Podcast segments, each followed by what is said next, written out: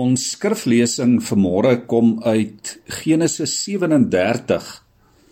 Die opskrif Josef en sy drome. Jakob het in Kanaan gebly, die land waar sy voorvaders ook as vreemdelinge gebly het. Hier volg die familiegeskiedenis van Jakob. Josef was nog jonk, 17, toe hy kleinvee opgepas het saam met sy broers, die seuns van Bilha en Silpa sy pa se vrouens. Josef het slegte stories oor sy broers by hulle pa aangedra. Van al sy seuns was Israel die liefste vir Josef, die seun wat in sy ouderdom gebore is. En daarom het hy vir Josef lang klere met moue gemaak. Toe sy broers sien dat hulle pa vir Josef liewer het as vir enigiemand van hulle, het hulle 'n afkeer van Josef gekry en het hulle niks goeds oor hom gesê nie.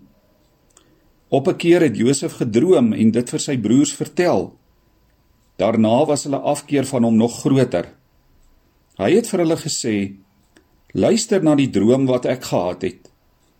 Ons was op die land besig om gerwe te bind en skielik gaan staan my gerwe regop en julle gerwe gaan staan daar rondom en hulle buig voor myne."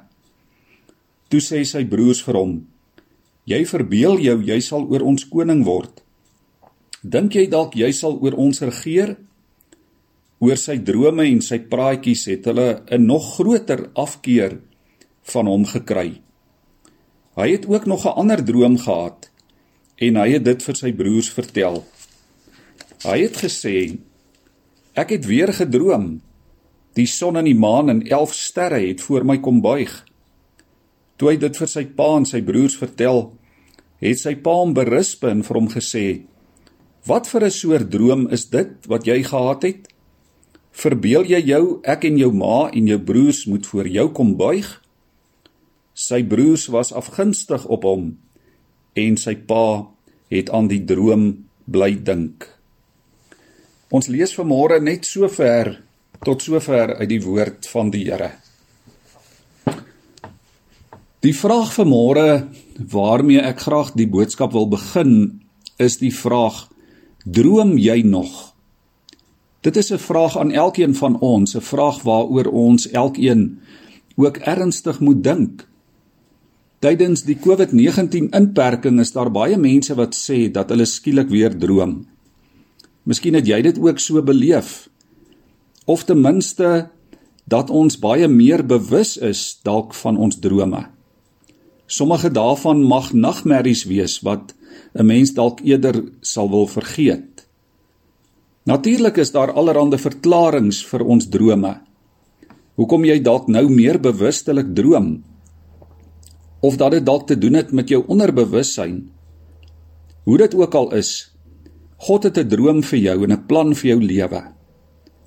Die vraag is: droom jy en ek nog oor God se ideale vir ons? Maak dit ons nog opgewonde Een van die mooiste en die kragtigste verhale in die Bybel is hierdie storie van Josef. Josef weet ons was 'n dromer. Josef was anders. Sommige mense het gesê Josef is arrogant, dat hy dalk vermakerig is. Sy broers het sy houding gehaat. Hulle het gevoel hy dink hy is beter as hulle. Josef se toewyding en sy karakter en selfs sy klere drag was net anders. En natuurlik is dit nie altyd populêr en sosiaal aanvaarbaar om anders te wees nie. Die wêreld wil ons almal in klein eenvormige boksies laat inpas. En die boksies moet ons waarde en ons karakter bepaal. Ek weet van baie mense wat hulle self en hulle drome in so 'n boksie verloor het. Die Bybel wil ons hiermee help. Ek dink sommer aan 'n gedeelte soos Romeine 12 vers 1 en 2 wat sê: Julle moenie aan hierdie sondige wêreld gelyk word nie. Laat God julle verander deur julle denke te vernuwe. Gee julleself aan God as lewende en heilige offers. Doen wat vir God aanneemlik en goed en volmaak is. Laat die wil van God julle karakter bepaal. En as ek dit vanmôre reg verstaan, dan beteken dit jou waarde lê in dit wat God van jou dink. Dit lê ook in die drome en die ideale wat God as Skepper Vader vir jou het. Die Bybel vertel onder andere ook van Daniël, Daniël wat self nog jonk was, eintlik maar nog 'n tiener toe hy 'n keuse gemaak het wat gelyk was aan sosiale selfmoord. Hy het gekies om anders te wees. Mense het nie daarvan gehou nie. Daniël het gekies om God se droom na te jag ten spyte van oordeel en vervolging en God het vir Daniël geseën. Sy lewe het God verheerlik. So hoef jy en ek uiteindelik net ons hemelse Vader tevrede te stel. Doen eenvoudig net dit wat God laat glimlag. Hy het jou gemaak en hy het jou lief en hy het vir jou gesterf. Hy red jou. En na hierdie kort lewe op aarde is jy by die Here in sy koninkryk vir ewig. Uiteindelik is dit al wat tel. As jy God se stem iewers in jou lewe gehoor het, as jy sy inspraak in jou lewe ervaar het, dan kan jy vanmôre weet jy behoort aan God dan is dit jou roeping om vir God te lewe. Dit is sy droom vir jou. Ek het eendag 'n pragtige storie gehoor van 'n 'n evangelis. Sy vrou het gesterf. En omdat hy baie keer op reis was, het hy 'n kinderoppasser gekry om na sy twee seentjies te kyk. En elke keer wanneer hy terugkom by die huis, het hy geskenke vir die seentjies saamgebring. En een keer gebeur dit toe so dat dat hy vir watter rede ook al nie geskenke gebring het nie en die volgende dag vat hy toe die seuns winkel toe waar hulle enige iets kon uitkies wat hulle graag wou hê. En so by die winkel aangekom sien die seentjies sommer heel eers die toonbank met allerlei lekker goed en suigstokkies op die toonbank en dadelik besluit hulle om pakke suigstokkies te koop. Die pa sê toe vir hulle: "Nee, kom ons kyk nog eers 'n bietjie rond." En verder in die speelgoedafdeling sien hulle toe sulke cowboy pakke met gewere en hoedens en boeye en alles. En opgewonde roep hulle: "Pappa, dit is wat ons graag wil hê." Maar weer sê die pa: "Kom ons kyk nog 'n bietjie rond." In die sportafdeling, daar tussen die balle en die rakette en die in die kolwe, kry hulle 'n rugbybal in die hande en hulle begin die rugbybal vir mekaar rondgooi. En weer is dit dieselfde storie. Ons kyk nog 'n bietjie rond. En toe heel agter in die winkel, so hoog teen 'n muur, hang daar twee sulke spoggerige blinknuwe 12-spoed bergfietsse. Die pa het gesien hoe die seuns na die fietsse staan en kyk en hy vra vir hulle Hoe sal julle daarvan hou om die fietsse te hê? Nodeloos om te sê net 'n paar minute later stap hulle opgewonde by die winkel uit met baie meer as waarvoor hulle ooit gehoop het. Hulle pa het geweier om tevrede te wees met enigiets minder as net sy heel heel beste. Die seentjies het gedink sy stokkies sal wonderlik wees. Maar hulle pa het vir hulle iets baie groter in gedagte gehad. Liewe vriend of vriendin, jy wat na hierdie boodskap luister, moenie God se ideale vir jou lewe onderskat nie. Moet dit nooit doen nie. God het meer tot sy beskikking as wat jy dink. Baie keer maak ons planne en dis dalk goeie planne. Dalk dink ons dit is die ideale plan. En dan ontdek jy God het meer en God weet beter en God sien verder. Josef en later ook sy familie dit ontdek. En daarom moet jy en ek onthou God se droom realiseer nie in jou lewe sonder jou betrokkenheid nie. Daar is dinge wat jy moet doen wat niemand anders kan doen nie. Daar's dinge wat nie gedoen gaan word as jy dit nie doen nie. God wil in jou werk en rondom jou en deur jou op 'n unieke en 'n spesifieke en spesiale manier. En hoor nou mooi, daar gaan mense wees wat nie daarvan hou nie. Mense gaan jou drome in die kiem probeer smoor. Sommiges gaan jou haat omdat jy 'n droom het. Hulle gaan sê maar dis onbereikbaar, dis onprakties, dis onmoontlik. Hoor dit mooi vanmôre. Moenie dat enige iemand jou drome kom steel nie. Dit word hel op aarde wanneer mense nie meer drome het nie. Of waar mense dit noodwendig moet prysgee. Dit word vertel dat die baie bekende Alexander Graham Bell, die uitvinder van die telefoon, se skoonpa eendag gesê het: "’n Telefoon is 'n ding waarmee niemand sal wil speel nie." Die bekende fisikus Lord Kelvin het gesê radio het geen toekoms nie. Ook die Britse sterrekundige George Airy het gesê maar rekenaars is absoluut betekenisloos. Ek wonder wat sou hy vandag gesê het. In 1899 versoek Charles Duell, die direkteur van die patentekantoor in die FSA, dat sy kantoor gesluit word en sy pos afgeskaf word.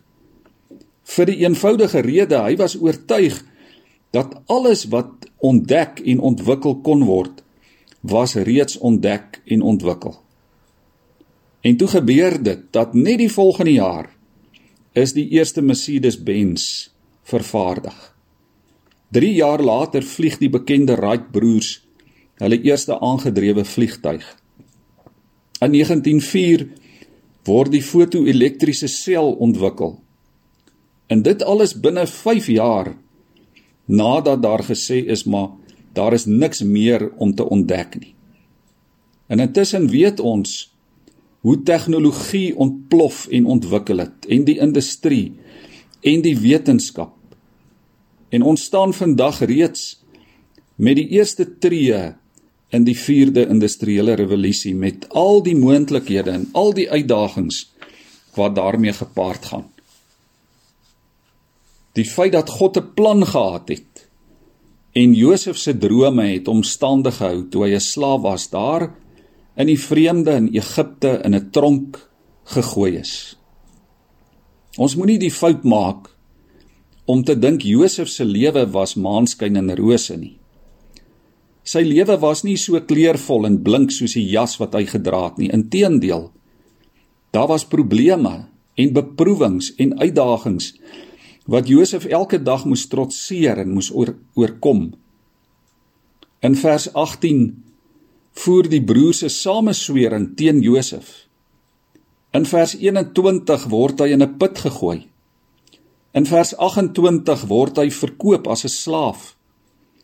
In hoofstuk 39 is Josef vals beskuldig van molestering.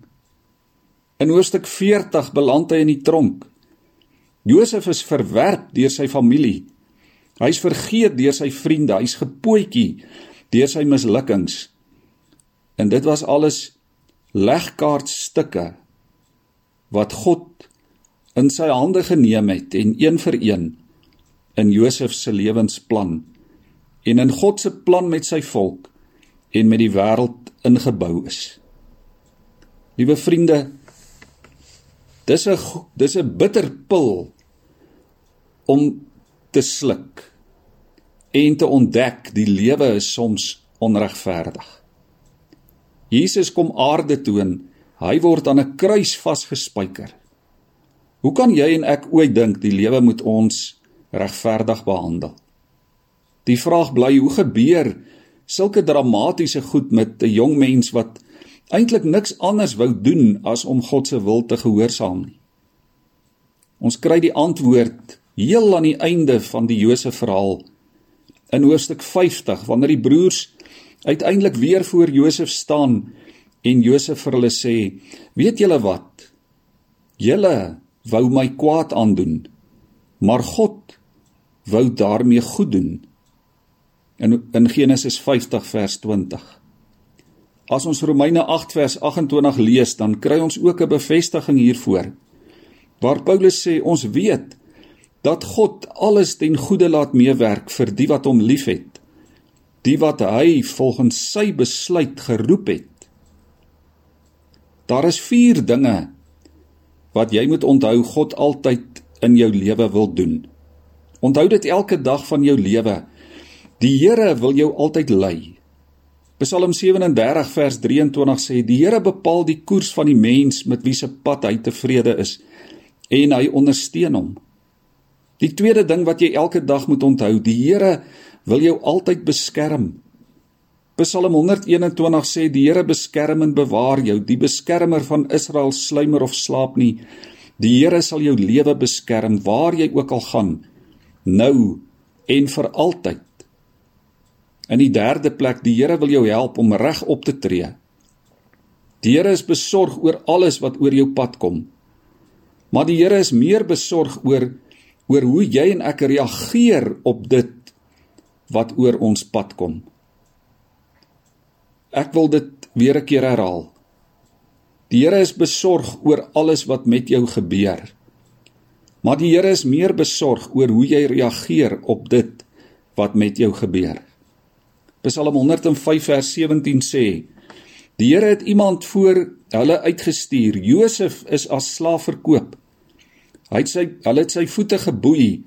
Hulle het hom in die gevangenis gehou totdat sy woorde bewaarheid is nadat hy die toets deurstaan het met wat die Here aan hom bekend gemaak het. Josef het die toets deurstaan. Hy het staande gebly te midde van dit wat met hom gebeur het. Die Here het hom gehelp om reg op te tree in sy omstandighede. Die vierde gedagte: Die Here wil ook sien dat jy dat jy groei, dat jy 'n beter mens word ten spyte van wat ook al oor jou pad kom. Die woord sê vanmôre jy hoef nie in die donker dieptes in die teleurstellings in die lewe alleen te wees nie. Jy hoef dit nie alleen te hanteer nie. Daar's iemand by jou. God was by Josef. Ons sien dit in hoofstuk 39 vers 2 sê die Here was by Josef. Dit het baie goed gegaan met hom in die huis van die Egiptenaar. Vers 3 Toe Potifar sien die Here is by Josef was hy hom goedgesind. Vers 21. Terwyl Josef daar in die tronk was, was die Here by hom. Hy het Josef sy troue liefde laat ondervind sodat die tronkbewaarder hom goedgesind geword het. Ook vers 23. Alles in die tronk was nou in Josef se hande want die Here was by hom. Handelinge 7 vers 9 later nadat 'n 'n lang tyd in die geskiedenis verloop het, lees ons dit in die Nuwe Testament. Handelinge 7 vers 9 uit jaloesie het die stamvaders vir Josef as slaaf verkoop en so is hy Egipte toe. Maar God was by hom en het hom uit sy elende gered. God was by Josef in sy vernedering. Die Here het hom geleer om nederig te wees. God was by Josef in versoeking. Die Here het hom geleer van selfbeheersing en om sy gewete skoon te hou. God was by Josef in lyding. Hy was nog steeds geseënd al is hy vals beskuldig en in die tronk gegooi. En ons ken die uiteinde van Josef se storie. God het tragedie en verleentheid verander in 'n groot oorwinning. Josef se drome het waar geword. Wat beteken dat God se droom het waar geword. En hierin lê vir jou en vir my 'n lewensnoodsaaklike waarheid. 1 Petrus 5 vers 6 sê: Onderwerp julle daarom in nederigheid aan die kragtige hand van God, sodat hy julle kan verhoog op die dag wat hy daarvoor bestem het. Werp al julle bekommernisse op hom want hy sorg vir julle. Josef het nie sy rug op die Here gedraai en opgehou glo nie. Hy het aangehou vertrou, hy het aangehou droom en so al dromende het God sy plan in Josef se se lewe voltooi. Dit beteken nie dat Josef 'n idealis was nie. Dit beteken nie dat hy in 'n droomwêreld geleef het nie dat hy sou heavenly minded was dat hy nou earthly good was nie. Inteendeel. Josef was 'n absolute realist. Hy het die realiteite, die werklikhede van die lewe, die uitdagings in die oë gekyk. Hy het nie kompromieë getref nie. Hy het nie teruggeduins van wat die Here in sy lewe toegelaat het nie. Hy het die heeltyd onthou God het 'n plan met alles. Sy lewe was 'n oorwinning saam met God, ook in donker putte en in tronkselle. 1 Korintiërs 15 vers 58 sê: Wees standvastig, onwankelbaar, altyd oorvloedig in die werk van die Here, omdat jy weet dat jou inspanning in sy diens nie te vergeefs is nie.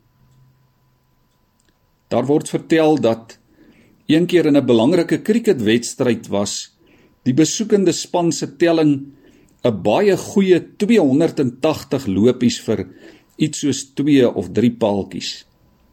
Daar langs die veld het 'n klein seentjie gesit en entoesiasties en opgewonde het hy sy plaaslike span ondersteun. En een van die besoekende ondersteuners kom toe en hy sê vir die seentjie: "Jong, ek sien jy so opgewonde, maar as ek so na die telbord kyk, dan lyk dit maar sleg vir jou span." En toe antwoord die seentjie: "Nee, nooit nie oom. Daar is nog baie beurte oor. En ons het dan nog nie eers begin kolf nie." Soms lyk dit of die wêreld en die duiwel en dalk ook ons menslike natuur die oorhand het. Onthou dan in die span van God, in die Vader se span is jy altyd 'n oorwinnaar. Saam met hom is jy nooit 'n verloorder nie. Hy het baie meer in gedagte as wat jy ooit kan dink of droom of bid. As jy hierdie boodskap vandag hoor, dan is daar vir jou nog beurte oor. Hou aan hoop. Hou aan glo, hou aan vertrou. Hou aan om jou Skepper te dien. Uiteindelik is dit net sy opinie wat regtig tel. Josef se lewe is soos 'n skildery En in hierdie skildery sien ons die genade van God duidelik raak. So is jou en my lewe ook 'n skildery van God. Dit herinner ons aan hoe groot sy genade is vir elkeen van ons. Jy kan verstom staan oor dit wat die Here al in jou lewe gedoen het as jy terugkyk op jou lewenspad. Jy kan verstom staan oor dit wat die Here nog elke dag in jou lewe doen, ook vandag ook op hierdie oomblik besig is om te doen. En jy kan verstom staan oor wat die Here beloof om nog in jou lewe te doen. Josef se verhaal en jou en my verhaal is meer as net 'n suigstokkie storie. Daar is hoop vir die wat seer kry. Daar is hulp vir die wat worstel. Daar is 'n helpende hand vir die wat struikel ongeag waar jy vandag in jou lewe is. God die Vader weet. Hy gee om en hy is besig om te werk ter wille van jou redding, ter wille van die eer van sy naam en van sy koninkryk. Moenie ophou om saam met God te droom nie. Daar mag teleurstellings wees wat deel is van jou lewe. Dalk is jy deur 'n donker en 'n moeilike tyd. Dalk ervaar jy op hierdie oomblik terugslag en teleurstellings. Dalk voel dit vir jou die deure in jou lewe toegegaan. Daar is waarskynlik nog 'n klomp kolfbeerte oor. Moet nooit ophou om God se droom saam met hom te droom nie. En as jy die Here dalk vandag glad nie ken nie, sy hand is nie te kort om te help nie. Sy oor is nie te doof om jou te hoor nie. Hy sal jou red. Die Skepper Vader ken jou. Hy roep jou om hom te vertrou. Hy roep jou om sy redding in Christus te aanvaar. Hy nooi jou. God het jou lief. Maak jou lewe oop vir sy genadeplan vir jou. Sy droom vir jou is baie meer as net 'n suigstokkie storie. Amen. Kom ons bid ook saam. Here, vandag bely ons dat daar dikwels deure in ons lewens toegaan. Ja Here, dat ons baie keer moedeloos voel. Dat ons baie keer voel ons is dalk mislukkings. Ja Here, baie keer voel ons dat dat U ver is, dat U ons dalk vergeet het, dat U ons nie meer raak sien nie, dat U ons nie in ons nood en ellende ken nie. Maar Here, dankie dat ons vanmôre U stem kan hoor. Deur die lewe en die voorbeeld van Josef, 'n stem wat roep en sê kom na my toe. Almal wat moeg en oorlaai is, ek sal vir julle rus gee. Dat ons U stem hoor wat wat ons uitnooi kom vra en vir julle sal gegee word. Soek en julle sal vind. Klop en vir julle sal oopgemaak word. Here ons gebed is dat U in U groot genade en U groot liefde volgens U raadsplan vir ons lewe deure sal oopmaak. Helder en duidelik, Here, dat ons die roete, die koers, die rigting mooi helder sal sien wat U vir ons aanwys. Dat ons U stem toenemend en duidelik sal hoor wat ons nooi om in U voetspore te loop. Die voetspore wat Jesus vir ons uitgetrap het die pad wat hy vir ons uitgelê het. Here lei ons deur u gees en deur u woord om aan u gehoorsaam te wees. Geef vir ons die innerlike krag deur u gees om nooit moed te verloor nie. Om nooit Here toe te laat dat die twyfel ons oorweldig nie. Maar om die geleenthede raak te sien waartoe u vir ons roep. Here gebruik ons as lewende instrumente in u hande om U te dien, U naam te verheerlik. Laat ons elke dag bid. Laat U koninkryk kom. Laat U wil geskied in die hemel, ook op die aarde, ook in ons lewens. Amen.